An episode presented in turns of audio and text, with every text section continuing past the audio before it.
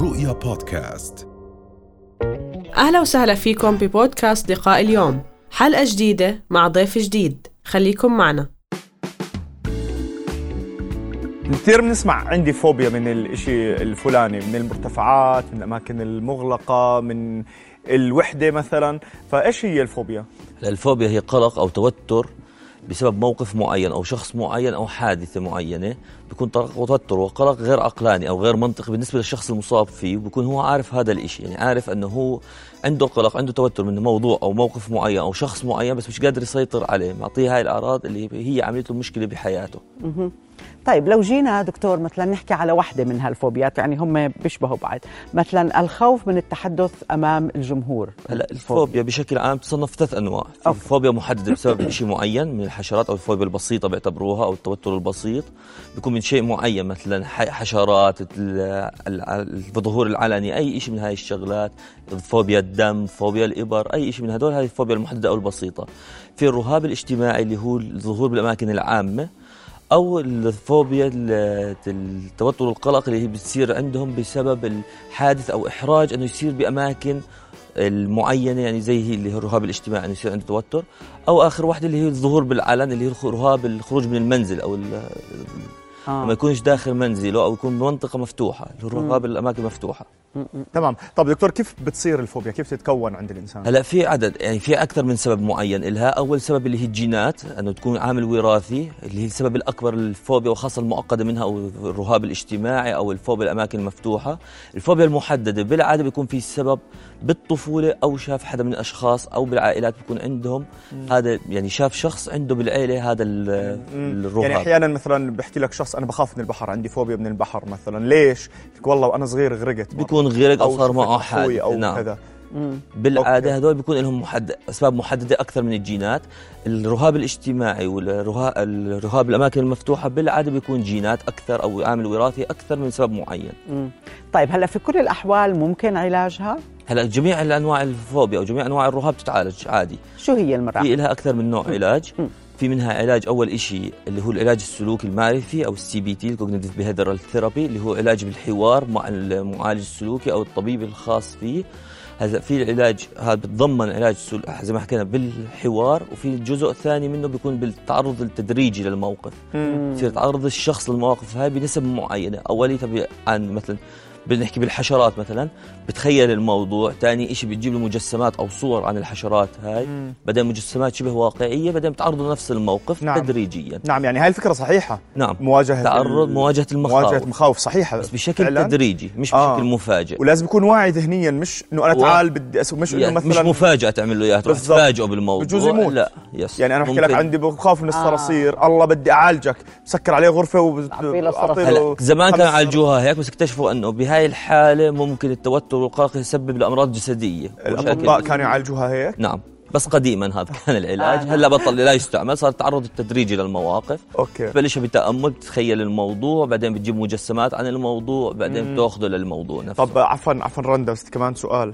ال الناس اللي ممكن يعرضوا أطفالهم أو الناس اللي حواليهم بحجة إنه بده يساعده لموقف هو بيعرف إنه بيخاف منه فجأة أه بدي خلص بدي أخليه لا يكسر بالعكس حاجز تماما الخوف. هسا إذا عنده اضطراب التوتر اضطراب الخوف أو اضطراب القلق من هذا الموضوع ما بزبط أنك تعرضه مواجهة مباشرة قديش ممكن يكون مؤذي؟ يس بيكون مؤذي لنفسية المريض ممكن يدخله باكتئاب يعني في ناس بيوصلوا معهم لانتحار. يعني فما بصير تعرضه مرة واحدة للموضوع. آه إنه بخاف من البساس فجأة بتجيب له بتجيب له بس انه بيمزح معه أو آه. بده يخليه إنه يقاوم مخاوفه مش هيك بيكون العلاج. مم. بده ناس مختصة بده يكون هو ب يعني بوضع تفكيري سليم بصحه نفسية سليمة إنه قادر يتعرض لهذا الموقف. تمام. مش فجأة وخاصة حسب العمر كمان بيختلف من العمر لأنه الأمراض هاي بالعادة بتبلش عند المراهقين أو عند الأطفال. أو المراهقة المبكرة بيحكوا على سن 12 13 سنة. بتيجي تعرضه لموقف زي هيك ممكن يعني تأثر عليه لقدام لحياته بشكل عام. نعم. تخرب له كل نمط حياته. طيب هلا دكتور حكيت إنه لحتى يتغلب على ال- الفوبيا بنبدأ بالعلاج ال- السلوكي. التأمل كيف يعني بده يرجع؟ يعني مثلا خلينا نعطي حالة مثلا شخص بخاف لما يوقف يحكي قدام ناس بصير يرج بي بي بيعلق- بي- بيعرق بصير freeze on أو بتجمد هذا مثلا شو مراحل العلاج هلا بالعادة هدول بتحطهم بموقف إنه بتخلي مثلا بتعملوا relaxing technique بالعيادة طبعا بيكون بهاي الحالات بيحتاج عيادة. م. بيحتاج إنه عند شخص أخصائي أو معالج سلوكي بيقدر يعالج هاي الحالات. تمام. مش أي شخص بيقدر يعمل له إياها. بقعد بخليه ب comfort zone معين أو بحالة تأملية معينة إنه هو بهذا الموقف. بصير الشخص يدله إنه أنت اعتبر حالك أو تخيل حالك إنك قدامك عدد معين من الناس بدك تلقي الكلمة هاي تدريجيا بالتخيل أو التأمل. وبناء عليها بصير تدريجيا نحفزه على هذا الإشي.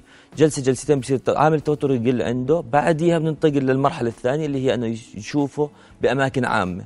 أنه احكي تعرف على الناس اقعد مع ناس بمطعم بكافيه بأي منطقة. بعدها بصير أنه يطلع مثلا إلقي قدام ناس محاضرة هيك تكون تختفي الحالة هاي. قد إيه بياخذ وقت تقريبا؟ تختلف من حالة لحالة من طبيعة جسم لطبيعة جسم ممكن خلال أسابيع ممكن خلال أشهر بس بالعادة ما بتطول بعد ست أشهر. يعني العلاج بيكون بين ثلاث لست أشهر. هلا هون مهم إنه يعني الشخص يكون هو ناوي يتخلص من أكيد. هذا الشيء يعني تفكيره إني أنا بدي أتعامل مع هذا الخوف وأتغلب عليه. هلا في ناس هل صحيح. تفكيرهم ممكن يأثر إنه هم ما يتطوروا بالرغم من جهود الطبيب النفسي؟ هلا بالعادة في ناس شو ما عملت معهم أو شو ما حاولت معهم بيكون هو خلص ماخذ ال negative side أو الجانب السلبي من الحالة إني أنا مش قادر أطلع منها. طبعا هدول حتى مع العلاج مرات بنحتاج علاج دوائي مرات بيكون تجاوبهم أقل نسبة نجاح علاجهم أقل لأنه هم رافضين فكرة العلاج إنه هم ما بدهم يتحسنوا يتأقلموا مع وضعهم. طبعا هذا شيء غلط. بدك تضلك تحثهم اللي حواليهم المجتمع يحثهم أهلهم يحثوهم إنه لا. بدك تتعالج تقدر تتخلص من هذا الموضوع وترجع لحياتك الطبيعية 100% تمام. دكتور ليش مهم إنه الشخص إذا عنده فوبيا من شيء معين إنه يتخلص آه، منها؟ أنا بخاف من المرتفعات مثلا. وخلاص ما بطلع على اماكن مرتفعة. ليش مهم إنه أعمل هذا الشيء خصوصا إنه نحن بجوز بمجتمعنا شوي رفاهية موضوع الطب النفسي خصوصا إذا شيء يعني مش كثير آه، يعني خطير عم عم بيكون هلا بالعادة زي هيك هاي الحالات في مرات ما بتأثر على حياتهم بصير إنه ال avoidance technique إنه يبتعد عن الموضوع هذا بيريحه خلص ما بتعرض لهذا الموقف أو ما بروح على هاي المكان اللي بيعمل لي التوتر أو الفوبيا هاي. هلأ بعد فترة بيأثر على حياته. ممكن يوديه لعزله اجتماعية ممكن يوديه لتعاطي المخدرات أو الكحول عشان يرتاح. ممكن دائما القلق والتوتر عنده نسبة زيادة يصير يروح مستشفيات عشان الخفقان الأعراض الجسدية اللي ممكن تظهر ويأثر يعمل له عزلة. ومنها بعدها يدخل باكتئاب.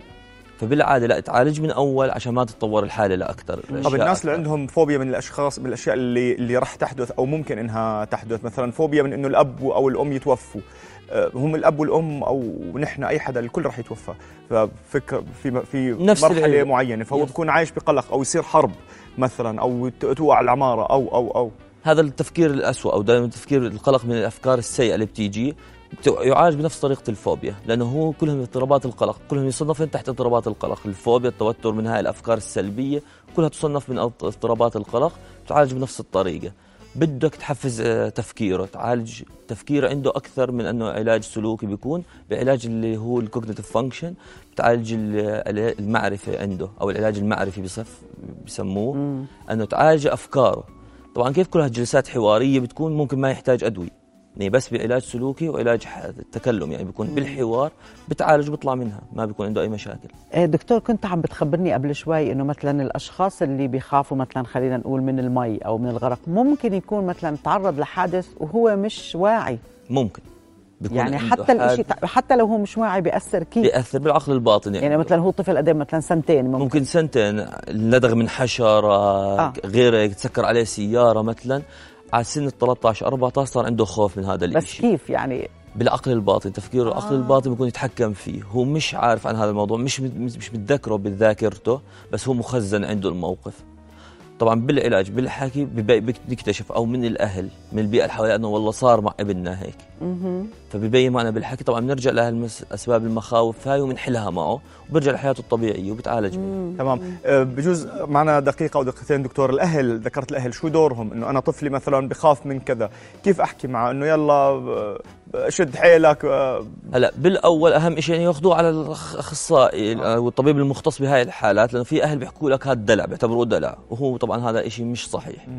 هلأ ثاني شيء ما يجبروه يعني ما يجوا مثلا بخاف من الحشرات لأ بدك تشوف حشرات بدك بخاف من الدم لا شوف دم هذا مش حل مم. بالعكس هذا بتزيد المشكلة وبفاقمها ما بحل المشكلة مم. بدهم يحفزوه يشجعوه على الموضوع يعني يشتغلوا مع الطبيب إنه كيف تع... يعني تت...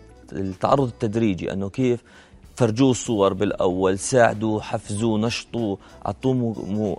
ريوردز يعني مكافآت للموضوع لما يصير يتغلب تدريجيا على الموضوع. ما تجبروه إنه شيء يصير إجباري لما يصير تيجي الاعراض الجسدية. وهذا الشيء طبعا حرام لطفل صغير أو لمراهق يتعرض له فلازم ينشطوه يحفزوه يعني بالآخر ويعطوه مكافآت لكل شيء بيعمله تدريجيا. 100% وكيف بدهم يعرفوا الأهل إنه هاي الحالة تستدعي طبيب؟ هلا لما تبلش تأثر على حياته. بصير عنده تغيب على المدرسة ما بيقدر يعطي كفاءة اللي هو بعطيها ما في عنده تركيز ممكن يصير. علاماته حتى لو بيروح على المدرسة علاماته بتكون متدنيه مع إنه ما عنده مشاكل بالذكاء ما عنده أي مشاكل. بتبين معهم بحياتهم اليومية إنه مش عم بعطي الأداء اللي كان يعطيه قبل أو بتراجع عن إخوانه أو عن ناس معينين. تمام تمام. بدنا نتشكرك دكتور جزيل الشكر. أهلا وسهلا فيك. رؤيا بودكاست.